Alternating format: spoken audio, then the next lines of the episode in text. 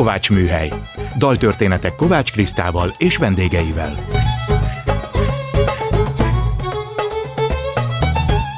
Jó estét kívánok, Kovács Kriszta vagyok, ez itt a megújult Kovács műhely. Gombhoz a kabátot, daltörténetek másként.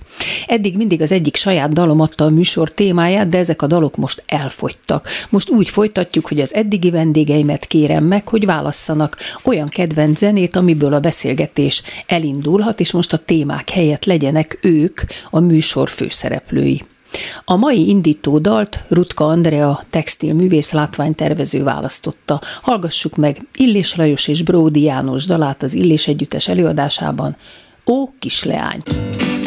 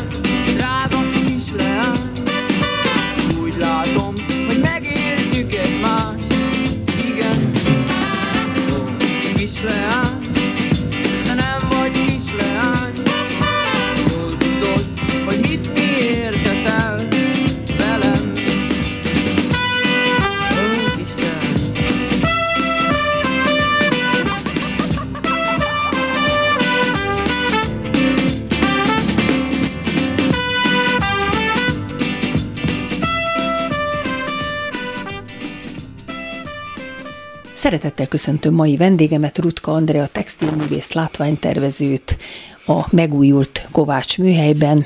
Szia Andrea, tegeződni fogunk, mert nagyon régi az ismerettségünk, barátságunk, munkakapcsolatunk. Jó napot kívánok, szervusz! Na mesélj nekem, hogy miért választottad ezt a dalt, és mit jelent neked ez a dal? Ó, kisleány. A Mihály ötlete volt, Hát Rádai amikor Mihályról összeházasodtunk. Beszéljünk, mert nem férjem. tudják a hallgatók, hogy Rádai Mihálynak Igen. voltál a felesége. Hány évig? 48 évig. Igen, és ennek Mihály halála vetett véget sajnos. Igen, és nagyon nagy örömmel emlékszem erre vissza. Egyébként az ö, nem csak az esküvőnkön volt ö, illésszám, hanem köztünk voltak közös dalok, tehát nekünk voltak közös dalaink, és azoknak a nagy része is az Illés Együttes szerzeményeiből került ki, és például a Mond, hogy nem haragszol rám, amikor néha így összekaptunk valamin, és nem tudtunk megegyezni, akkor... Mondd, ö, ó, mondd, ó, mondd, hogy nem akkor, akkor rám. feltettük Igen. egymásnak, és akkor onnantól minden rendben volt. És a Meg a, kislány? jöjj kedvesem. Te nem vagy kislány, ez mit Az ókislányt azt a Mihály ö, találta ki, amikor összeházasodtunk. Az Úri utcában volt az esküvőnk, és hát valahogy az teljesen közös megegyezés volt, hogy nem szeretnénk egy ilyen bevonulási indulót, és akkor jutott eszébe, hogy ezt a számot tegye föl. És ez volt esküvői Igen, dalotok? igen, hát igen, ez igen. aranyos lehetett Nagyon sokan voltak, nagyon, hát és tulajdonképpen így visszagondolok erre, hogy 74-ben, amikor azért még nem volt olyan megengedő, szóval szok, sokkal szertartásosabb volt a dolog, de hogy valahogy ott Várhelyi Endréné, az operaénekes felesége volt a házasságkötő teremben, ami összeadó volt az hivatalosan, anyakönyvvezető, az igen. anyakönyvvezető, igen, és hát őt is sokat emlegettük a házasságunk alatt, mert néha vitás kérdésekben mindig azt mondta, hogy Várhelyi Endréné, nem így mondta, és ez olyan nagyon kedves emlék, úgyhogy Na, végül is azt gondoltam, hogy a rengeteg zeneszámból, ami az életemet gyerekkoromtól meghatározza, iszonyú nehéz feladatot adtál tulajdonképpen. Majd fogom hallgatni a műsoraidat, hogy mások hogy küzdenek ebben. Jól, mert- eddig nagyon jól. mert uh, borzasztó nehéz kiválasztani, úgyhogy én is tulajdonképpen Na, de hát ez így rögtön- emlékezve rá, ez azt gondolom, hogy ez Rögtön jót választottál.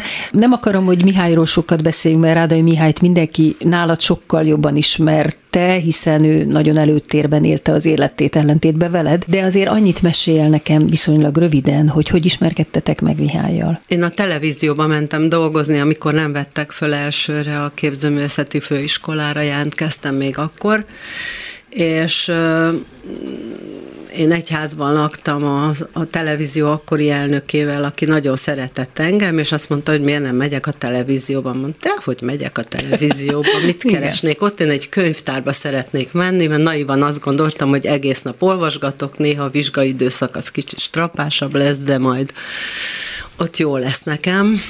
És akkor rábeszélésre aztán bementem a televízióba, és pont azon a napon, amikor én épp az összes iratokkal, a különböző ügyosztályokkal ott mentem föl a grafikára, hogy elfoglaljam a helyemet, akkor a Mihály bejött, beugrott a liftbe. Ez a paternoszteres lift volt, nem, ugye? Nem, nem még a sima lift. Nem, ez a másik oldal, ez a sima lift, igen, ez a aula bal, bal vagy az épület bal oldal, Hát a fiataloknak büfé mondjuk részen. el, hogy ez a szabadság téren volt a Persze, ez ott volt tőzsdepalota, magyar, magyar fantasztikus épülete. épülete. Az igen. egyetlen akkor, mint televízió. Igen, igen, igen.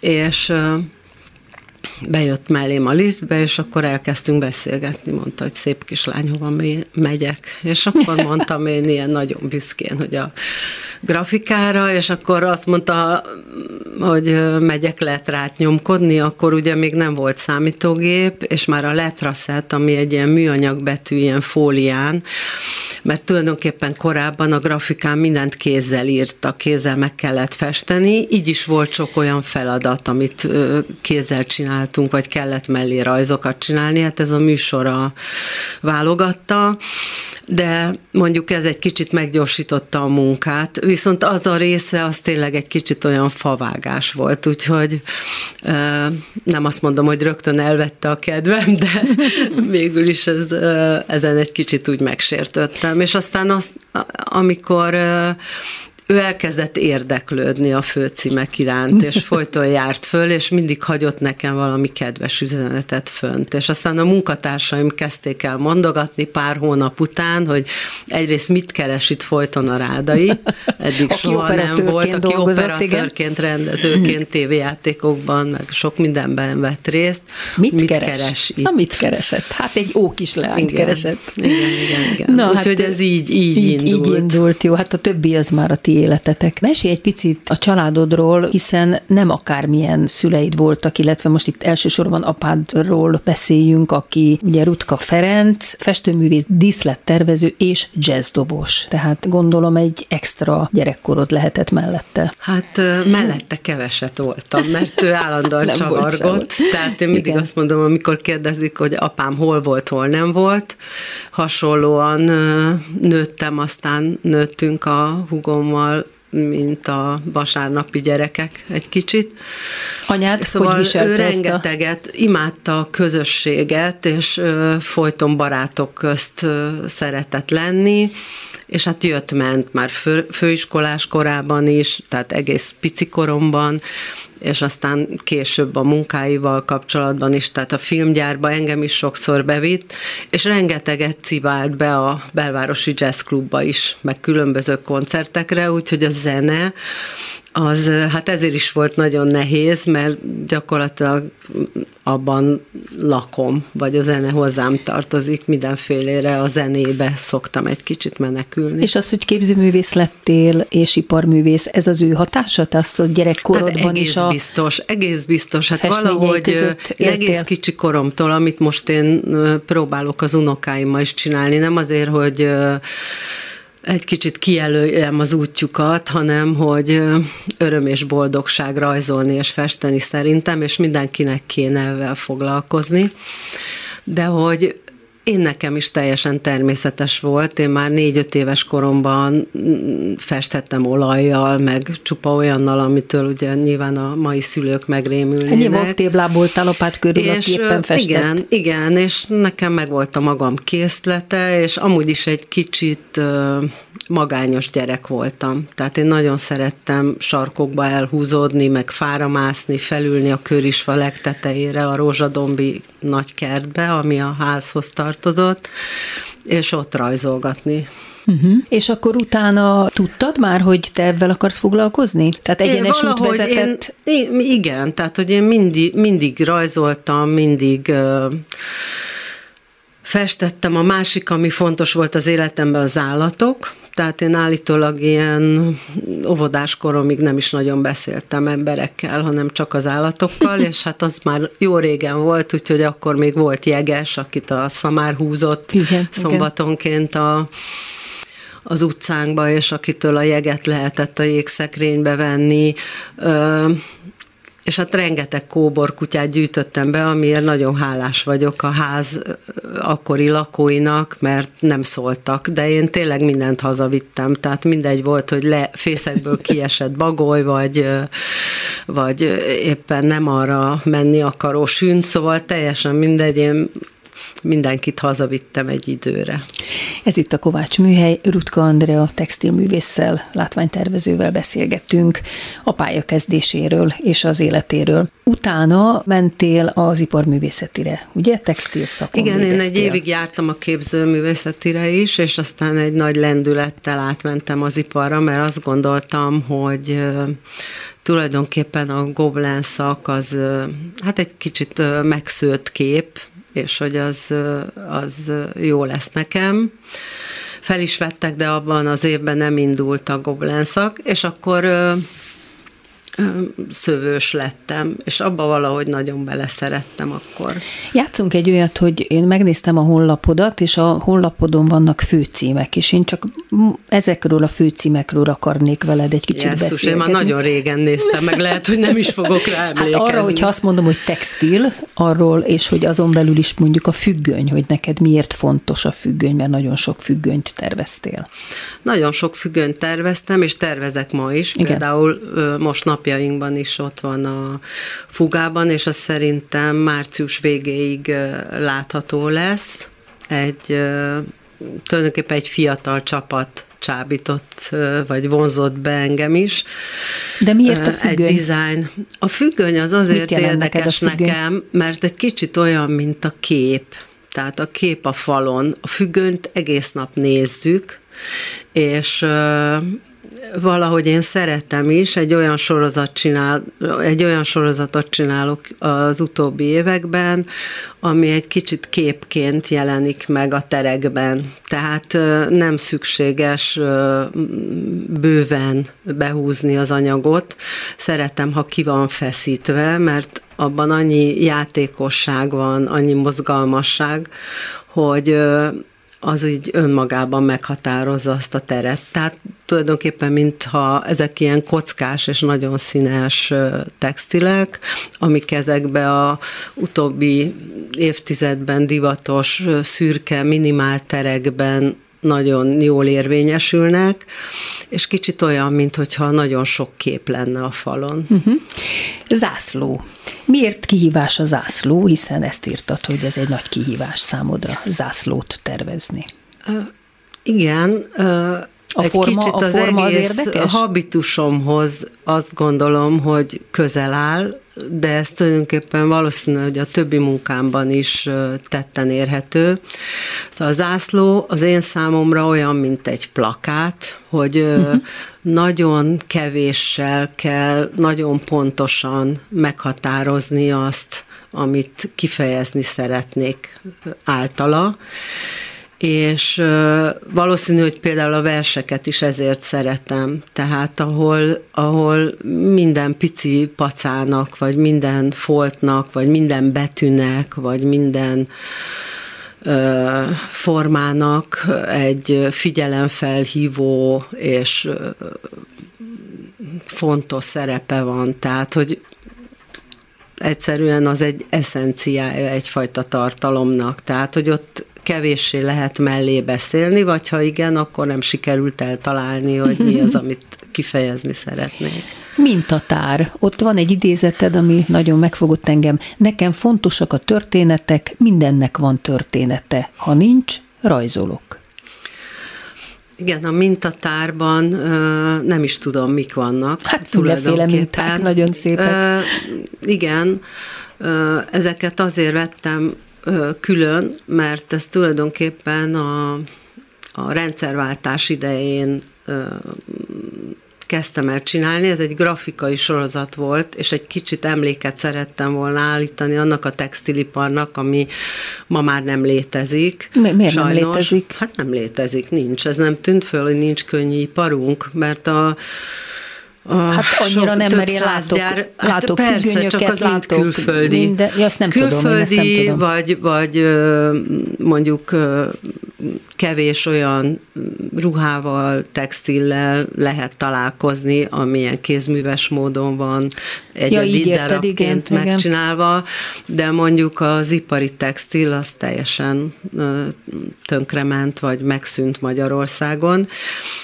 Még létezik két és fél gyár, ezt nagyon komolyan mondom, nem ironikusan, amelyik megpróbál még életben maradni, és tulajdonképpen ezt a design csapatot, ezt a nemzetközi dizájnon belül a textiles csapatot azért hoztuk létre, hogy kölcsönösen próbáljunk segíteni egymásnak, tehát különösen a frissen végzett fiatalok tudjanak textilt tervezni, még ipari körülmények között. Akkor mi erre És a mód most, hogyha Hát nincs? ezzel a két és fél megmaradt gyárral, amelyiknek az egyike azért egy nemzetközi piacon is vegyes vállalatként kint van, és itt egy transfernyomásos technikával lehetett csatlakozni. És itt erre van lehetőség akkor, hogy Erre fiatalok van. is, és igen, ti is igen, tudjanak, tudjatok igen, dolgozni? Igen, Aha. igen, de mondom, ezt így abszolút csomagban, tehát közösen tudjuk megoldani, és így van arra a lehetőség, hogyha nekünk vannak rendeléseink, akkor meg ez ugye segítség magának a gyárnak. És ők elfogadják ezekből, mondjuk azt mondja, hogy kérek egy ilyen mintatárat, és szeretnék választani ebből, mert én majd ebből fogok egy függönyt legyártani, most csak mondtam valamit. Persze, persze. Tehát, hogy egyelőre kiállítási darabok készülnek, és amikor van megrendelés, akkor meg lehet nagyobb mennyiségbe utána gyártani. És a másik ilyen a Lénárd, az egy zászló készítő műhely, de vannak olyan anyagai, ahol azért függöny minőségeket tudunk csináltatni ott, és velük is már évtizedek óta nagyon jó kapcsolatban vagyok, és van egy szövős lehetőség, a Csárdatex az Alföldön, ahol még vannak olyan gépek, ahol bútorszövetet, függönyt gyártani lehet. Következő főcím, cipzár. Itt is nagyon szépet írtál. A cipzár villámzár, húzózár, valamit megnyit előttünk, ha elég nyitottak vagyunk. Van, amit elzár előlünk, ha nem vigyázunk végérvényesen. Fogazata épp. Rajta a titok nyitja. Hát nagyon sok cipzáros munkádat láttam, és egyik izgalmasabb, mint a másik. Miért? Most még ezt, ha egy kicsit kiegészítenéd, hogy miért a cipzár? Hát igazán ezek ilyen hétköznapi tárgyak, amik körülöttem vannak, amikkel az utóbbi időben szórakoztatom magam, vagy évtizedekben szórakoztatom magam, és remélem, hogy a környezetemben lévőket, vagy a kiállításomat nézőket is. Borzasztó izgalmasnak találtam, nem csak magát a cipzárat, ami egy remek találmány amúgy, és használjuk is mindannyian, és fantasztikus dolgokat lehet vele megoldani, hanem egy kicsit megszemélyesítve azt a kinyit, bezár Tehát a filozófikus filozófiáját, része, igen. ami, ami engem nagyon izgatott, az a mögöttes. És hát ebből is készült jó néhány képem. Igen. Új lenyomat. Az új lenyomat az is egy, egy ö, mániám volt egy időben. Az tulajdonképpen úgy született, hogy a Vince merítő műhely Szentendrén mindig meghívott művészeket. Egyetlen kikötése volt hosszú éveken keresztül, hogy az ő merített papírjával kapcsolatos kellett legyen, tehát hogy vagy arra rajzoltunk, vagy avval csináltunk Igen. Valamit, és hát mint egy óvodás, rögtön a masszába nyomogattam a kezem, mert annyira élveztem, ahogy a papír maga készül, és aztán magam is csináltam merített alapokat, és akkor az az egész új lenyomat ötlet így jött, hogy az egy különleges dolog, mert valóban a saját lenyomatunk az egy egyszeri ránk jellemző, megismételhetetlen dolog, és aztán ebből csináltam szintén az új lenyomatokból kiindulva olyan grafikákat, amik engem akkor nagyon izgattak. Gombostűk. Na, itt is fel kell olvasnom, mert nagyon jól összefoglaltad. A gombostű fontos, sőt, nélkülözhetetlen segédeszköze a varrásnak, tűzésnek. Maga az ellentmondás. Puha, kellemes tapintású, lágy esésű anyagba döfött, hideg acél. Bök ide, bök oda. Nyomot hagy. Kicsi lyukakkal jelzi, semmi nem múlik nyomtalan. Összefog, összetart. És szúr. Mint az élet apró kellemetlenségei, aprókat szúr, de emlékezetest. Kijelöl varrási, tűzési és életviteli vonalakat. Ha nem akarunk összetűzni, kerüljük a kijelölt útról való letérést. Akárhogy is látszani fog, merre próbálkoztunk. Igen, hát ö, a gombostű az körülbelül egy olyan 15 éve mm, fogott meg engem.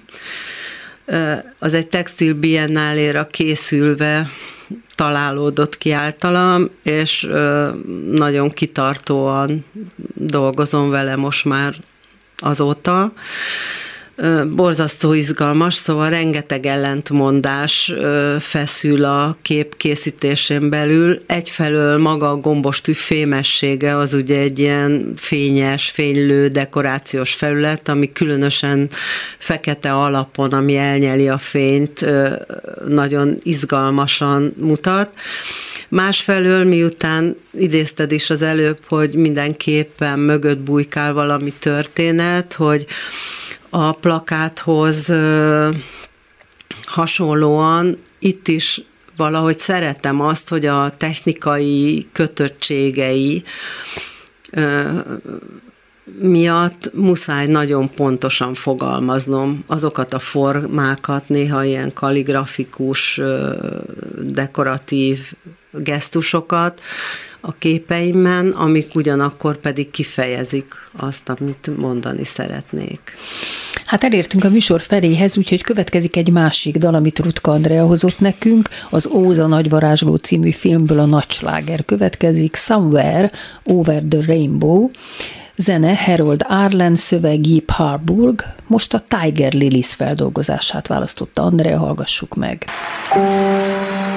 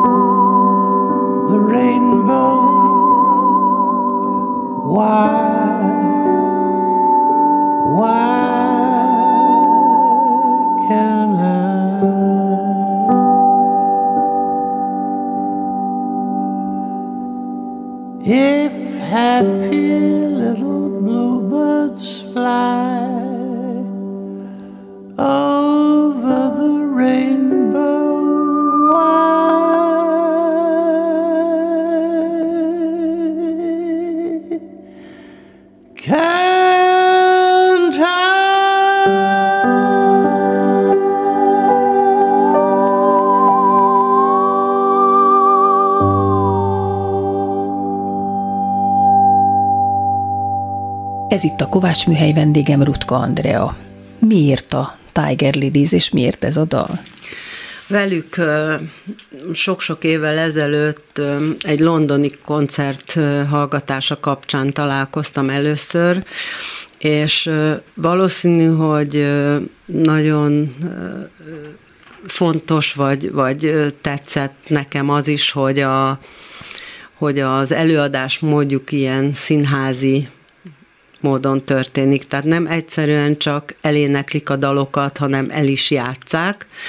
És aztán utána olvastam, meg részben most a kedvedér is utána néztem, hogy tulajdonképpen még a 19. században Angliában ugye az egyházi kórusokban csak férfiak énekeltek, és ez a nagyon érdekes hang, ami ennek az énekesnek a torkából kijön, Igen.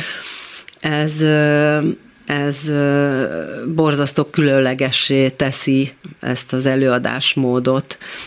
Vannak olyan számaik is, amiket kevésbé szeretek, de valahogy nagyon szókimondóak ők is, tehát most nem szeretnék visszautalni a plakátra, meg a versre, amiről beszéltünk, hogy nagyon pontosan kell fogalmazniuk, de valahogy jól reagálnak az élet dolgaira, és ez a trió engem bor- nagyon megfogott, és ez a szám, amit mostanában lejátszottam az unokáimnak is, ez szerintem rengeteg feldolgozást ért már meg mások által is, és kitűnőek, de ahogy ők előadják ezt a gyerekkori élményt, ugye az Óza Csodák csodája című filmnek a, a Judy Garland által énekelt dala, hogy ez egészen különleges. Igen, van valami, valami ez a éteri, éteri, valami igen, van valami egészen éteri ebben a- különleges. talán hegedű, vagy nem tudom, mi ez nem a hangszer. hegedű, ezt akartam is tőled kérdezni, hogy mi ennek a neve, mert ez egy fűrész, ez a zenei fűrész, de nem Hát, tudom, hogy van ennek valami hivatalos Tudom, neve. hogy mire gondolsz, de nem jut eszembe. Képzeld Talán el- tudja ott kint, de nem biztos. Igen, a pultból. Mert, igen, mert annak fantasztikus hangja van, és egyszer egy ö, Erlin galéria beli kiállításomon jött egy japán zeneművész, aki ezzel a fűrésszel adott elő a megnyitón egy számot, mondván, hogy nagyon közel van az én tűképeim fémességéhez, Aha, és tényleg aha, ennek tényleg. van valami egészen Igen, igen, különleges most, hangja. mondod, tényleg, tényleg van köze. És egyébként egy másik kiállításomon szintén a tűképeimhez kapcsolódik, a Kárászi Szilvia improvizált néhány képemre, és ő is egy ilyen furcsa hangszert használt, ami egy ilyen diszkosz formájú, és fémből volt, azt hiszem lyukak vannak rajta, annak az se tudom a nevét. Van a, igen, most nekem se jut eszembe, tudom, mire gondolsz. Igen. és annak is olyan elképesztő, érdekes, fémes hangja van. Na már az előbb is utaltál a színházra, és, és hát mi ugye nagyon sok darabban dolgoztunk együtt, hát most így összeszedtem, hát ez ugye volt az Antigoné tükör, Csábító pillangó, Alice Csodaországban, a második váratlan szerelem, Nézzünk bizakodva a jövőbe, az üstökös, segítség, segítek, ez már a hetedik bemutatóra készülünk Ah. most együtt. Itt is egy varázsszám. Az a lényeg, hogy nekem nagyon fontos vagy az életemben, mert amikor Gombár Judittal dolgoztam korábban, ő meghalt, és akkor rád találtam, és ragaszkodom is hozzád mindig, ha együtt dolgozunk. Koncertekben is segítettél látványban, és hát a színházban meg abszolút. De a színházhoz, mert ott is van egy ilyen felcím a honlapodon, hogy színház, és ott ezt írod. Csecsemőként néha tervrajzokon tettek tisztába. Apám diszlettervező, még egész kicsi voltam, amikor a filmgyárba vitt. Négy éves korom óta járok színházba, moziba. Az első mozi élményem a halász legény fragban, már Jolanzával. A mamámnak nyolcszor kellett miattam végignéznie. Az első színházi élményem a János Vitéz volt, háromszor láttam, de csak Gobbi Hildára emlékszem. Ő volt a mostoha. Nem is értem, miért nem akartam rögtön a világ legnagyobb díszlet és jelmeztervezője lenni. De tulajdonképpen ugye te egy textilművész vagy, illetve hát dolgozó képzőművészként képeket festesz, rajzolsz, de mégiscsak a színház is elkapott téged. Igen, de ez nagyon érdekes, mert tényleg soha nem jutott eszembe, noha ott tébláboltam apám körül a filmgyárban, forgatásokon is, aztán kamaszként mentem ilyen nyári munkára, és akkor is dolgoztam ott, és valahogy soha nem jutott eszembe, és tényleg azért írtam ezt, mert apámmal rengeteg ilyen emlékem van, ami, ami ö, arról szólt, hogy anyámmal együtt ők sokáig fenn voltak éjszaka, anyám olvasott, vagy segített apámnak valami mm, mintarajzolásban, vagy olyasmiben, amit apám kevésbé Ő mit kedvelt. csinált, mert erről nem beszéltünk. Anyám nővér volt, a László kórházba kezdte, aztán a Tűzoltó utcai gyerekkórházban dolgozott hosszan, és aztán később közelebb jött, mi a Rózsadomban laktunk, és közelebb jött a Kapás utcai rendelő intézetben, dolgozott a fülorgégészeten, és egy angyal volt, úgy, ahogy volt, és tényleg mindenkinek segített, hát nekem is egészen felnőtt koromig bögdöste, ha kellett valami injekció a fenekembe, tehát, hogy anyámban nagyon-nagyon sok minden szorult bele, azt gondolom, tehát, hogy ő a saját szakmáját, ezt a nővérkedést szívvel, lélekkel csinálta, tényleg sok történetem van egész kicsi koromból vele kapcsolatban, meg ilyen kórházi élményem, de, de remekül rajzolt is, és apámnak már főiskolás korában is nagyon sokat segített. Mondom, olyan ö, ilyen hogy mondjam, szakmai feladatokon keresztül, amiknek apámnak nem volt nagyon kedve, mert apám imádott szabadon rajzolni, meg festeni, és minden ilyen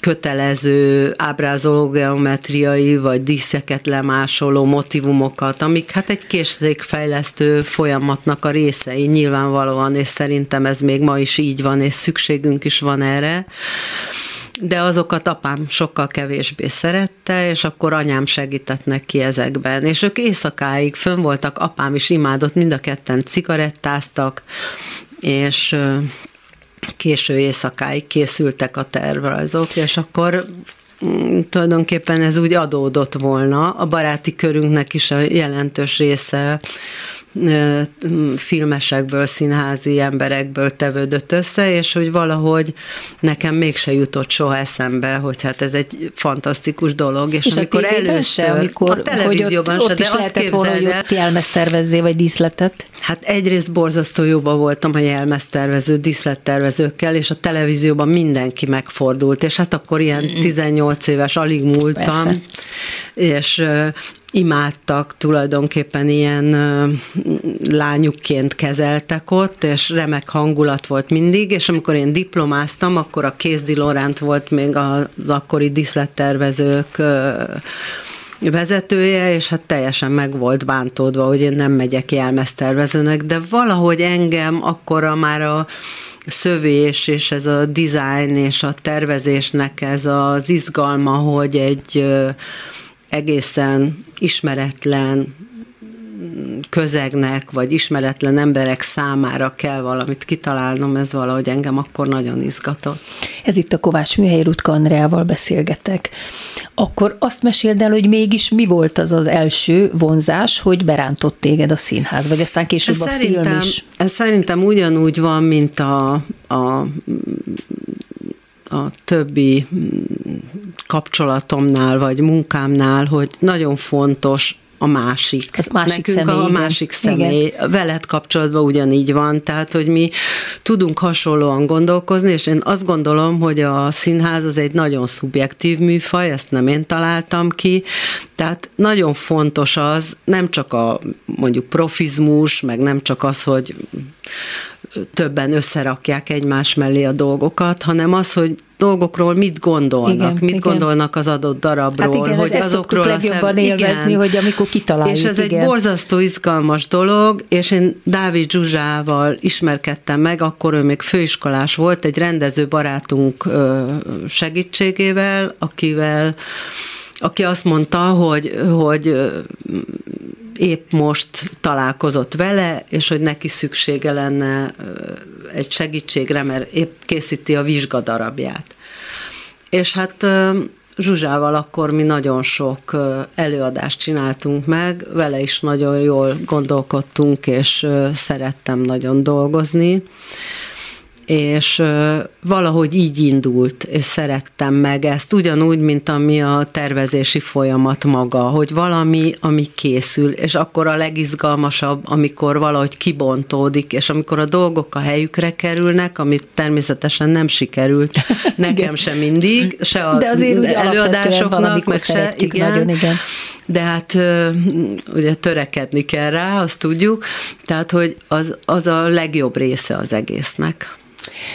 Akkor hadd idézzek fel egy közös munkánkat, amit tudom, hogy neked is kedvenced, meg nekem is, mert találtam róla képet a honlapodon, és ez volt az Antigoné tükör. Az találtam ki, hogy én ezt úgy szeretném játszani, hogy a régi görögök. Három színész játszik el minden szerepet, és másik három a kar szerepét fogja játszani, és az a három színész az nekem mindegy, hogy férfi vagy nő, de váltják a szerepeket. De hogy ezt elfogadjuk, és megidézzük ezt a régi görög színjátszást, mégis mai legyen, ez volt a feladat neked. Mi volt ebben a kihívás, és hogy tudtad megoldani? Meséljük el a hallgatóknak. Hát imádtam egyrészt a szereplőket is, másrészt meg ugye kitalálódott a kötél, mint egy összekötő forma, Motívum, amit igen. aztán, egy, igen, vagy összekötő eszköz, vagy motívum, vagy mindegy, amiből aztán egyrészt a ruhák is készültek, de díszlet is. azoknak az volt a nehézsége, ugye, hogy nagyon egyszerűnek kellett lenni, viszont miután több szerepet játszott minden színész, gyakorlatilag a szemünk előtt, előtt kellett átváltozniuk,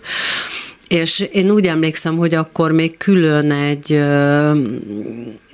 feladat volt az, hogy kifejezetten fiatalok számára, már nem emlékszem a körülményekre, de hogy te is úgy tervezted, hogy ezt majd ilyen iskolákba, gimnazistáknak. Nem úgy terveztem, hogy elvigyük, nem, ezt a millenárisban csináltuk fent a Igen, a arra szín- emlékszem, de színházban. hogy az volt a feladat, hogy ennek egy önjáró előadásnak kell lennie, mert majd megyünk vele esetleg ide-oda. Hát inkább az, hogy jöjjön oda sok fiatal, vagy tehát úgy fiatal, volt kitalálva, igen. Minden esetre egy ilyen tornatermű hangulatban, ugye egy ö, kötelekből font hatalmas karikák ö, lógtak a térben. Ez volt tulajdonképpen a díszlet, és mindegyiknek hosszú volt egy kötél, szerepe, igen, volt igen. különböző színűek, és egy hosszú kötél, amivel mindenfélét csináltak. Mindenféle teret ki tudtunk jelölni, igen. És azon kívül pedig a ruháik is ennek alapján voltak ö, kitalálva, tehát nem is, nem is volt könnyű megcsinálni, és aztán végül egy nagyon stilizált és nagyon izgalmas jelmez lett szerintem belőle. És talán a színészeknek az állarc, ami tulajdonképpen csak a szemüket fette, tehát azért lehetett őket látni, de mégis adott nekik lehetőséget, hogy belebújjanak mondjuk egy férfi egy női szerepbe, vagy mondjuk Ráckevei Anna, aki Kreont játszotta, annak a sisakja fantasztikusan találtat ki, hogy láttam is őt, de nem is. Hát persze, én tudom, ti színészek nem nagyon szeretitek, de egyébként nem is egy hálás dolog.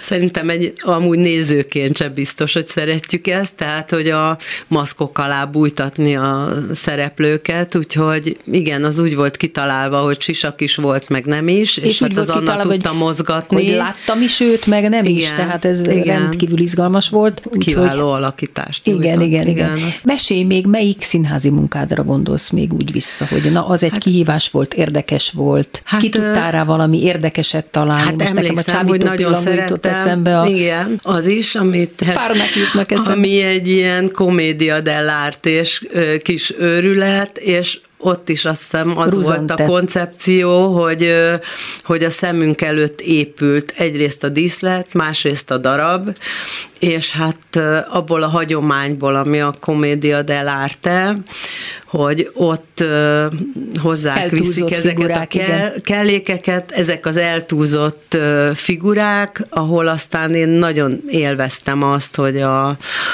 a csábító nőszemély, aki ilyen párnákból épült a fel a ruhája. Igen. Nagyon vicces igen, volt. Igen. igen, és hát a fiúknál is mindenféle érdekességet, többek közt cipzárokból készült jelmezeket is találtam ki. Szóval Talán azt nagyon szerettem. Beszéljünk arról, hogy ha már mondtad ezt a tantármit, hogy most készülünk egy bemutatóra, sőt, mire az adás van, már meg is volt a bemutató, de most dolgozunk rajta, ez a segítség, segítek. Igen, ez Vörös István darabja, és én nekem azért nagy öröm benne lenni, mert egy nagyon mai történet, és miután a közérzetem nagyon gyakran rossz, és valahogy érzem úgy, hogy tehetetlen vagyok, és ö, járok, jártunk együtt, ö, szerintem minden fontos tüntetésen ott voltunk, és a gyerekeim is mennek. De valahogy ez a darab, ami most arról szól, hogy egy ukrán menekült család idejön egy másik családhoz, és ebből persze konfliktusok is, meg hát az közös élmények adódnak, igen. adódnak ennek a nagyon érdekes és szép története mentén valahogy plusz öröm benne lenni. Tehát úgy éreztem, hogy olyan jó valami olyat csinálni, amivel egy kicsit demonstrálni tudom azt, amit ezzel az egész, egésszel, egész helyzettel kapcsolatban gondolok, ami egyébként egész hihetetlen. Igen, hát nagyon nyomasztó. Hát ezen próbálom majd valamit oldani talán ebben az előadással, és várjuk rá majd a fiatalokat. Igen, mert főleg. ugyanakkor, miután ez a Baltazár színházban történik, az egész előadás azt gondolom, vagy hát remélem, hogy, hogy valahogy egy kicsit az abszurditás fele, mely nem csak a helyzet miatt, a helyzet abszurd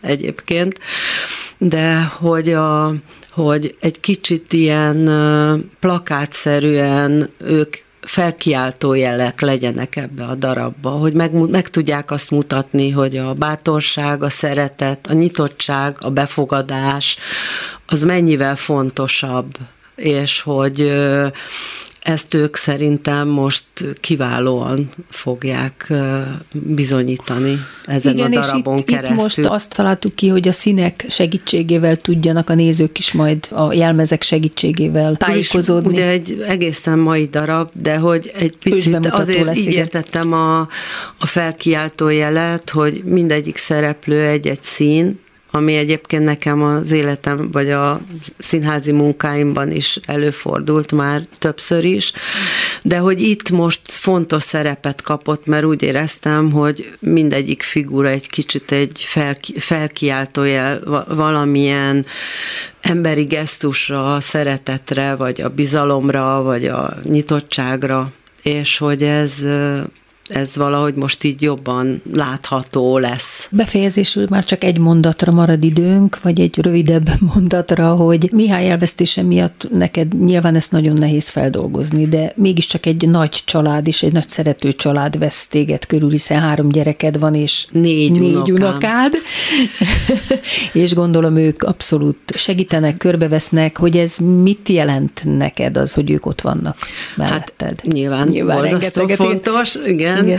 És a rém büszke vagyok, hogy három kiváló gyerekünk van, és az unokáim is tüneményesek, és tényleg itt vannak körülöttem, és a Mihály meg valószínű, hogy egész életemben hiányozni fog, és a, a Tiger Lilies előadásában ez a szivárvány, tulajdonképpen még az is eszembe jut, azt is eszembe juttatta, hogy amikor a temetés véget ért, akkor elelett az eső, de valami olyan elképesztő erővel szakadt ránk az ég a de gyönyörű nap, napsütésre. Nap is volt, napsütés is Mert gyönyörű volt, napsütésbe igen. ment az egész, igen, és, és, és nagyon sokan voltak, és sok-sok barát, aki, aki szomorkodva beszélt erről, de valahogy mégis olyan nagy szeretet lengte körül ezt az egészet, és egyszer csak, amikor véget ért a temetés, akkor ránk szakadt az eső, és mindenki szétrebbent. És amikor mi utolsóként a gyerekeimmel mentünk ki a temetőből, akkor elállt az eső, és egy hatalmas szivárvány jelent meg az égen. Hát akkor legyen ez a végszó. Köszönöm Rutka Andreának, hogy vendégem volt a Kovács műhelyben. Szia, Andrea! Szerbusz, viszontlátásra. És köszönöm hallgatóink figyelmét Pályi Márk és Túri Lui munkatársaim nevében is. Az adás ismétlése ma este tízkor hallható, majd utána az archívumban is. Bármikor elérhető és podcastként is hallgatható. Hallgassanak minket vasárnaponként ötkor vagy este tízkor, továbbra is az interneten. Jövő vasárnap egy újabb daltörténettel jelentkezik a megújult Kovács műhely. Gombhoz a kabátot. A műsor vendége Vörös István író, drámaíró, költő és tanár lesz. Ő Glenn Gould előadásában Bach Goldberg variációk Ária című részletét választotta, most ezt hallják. Viszont hallásra!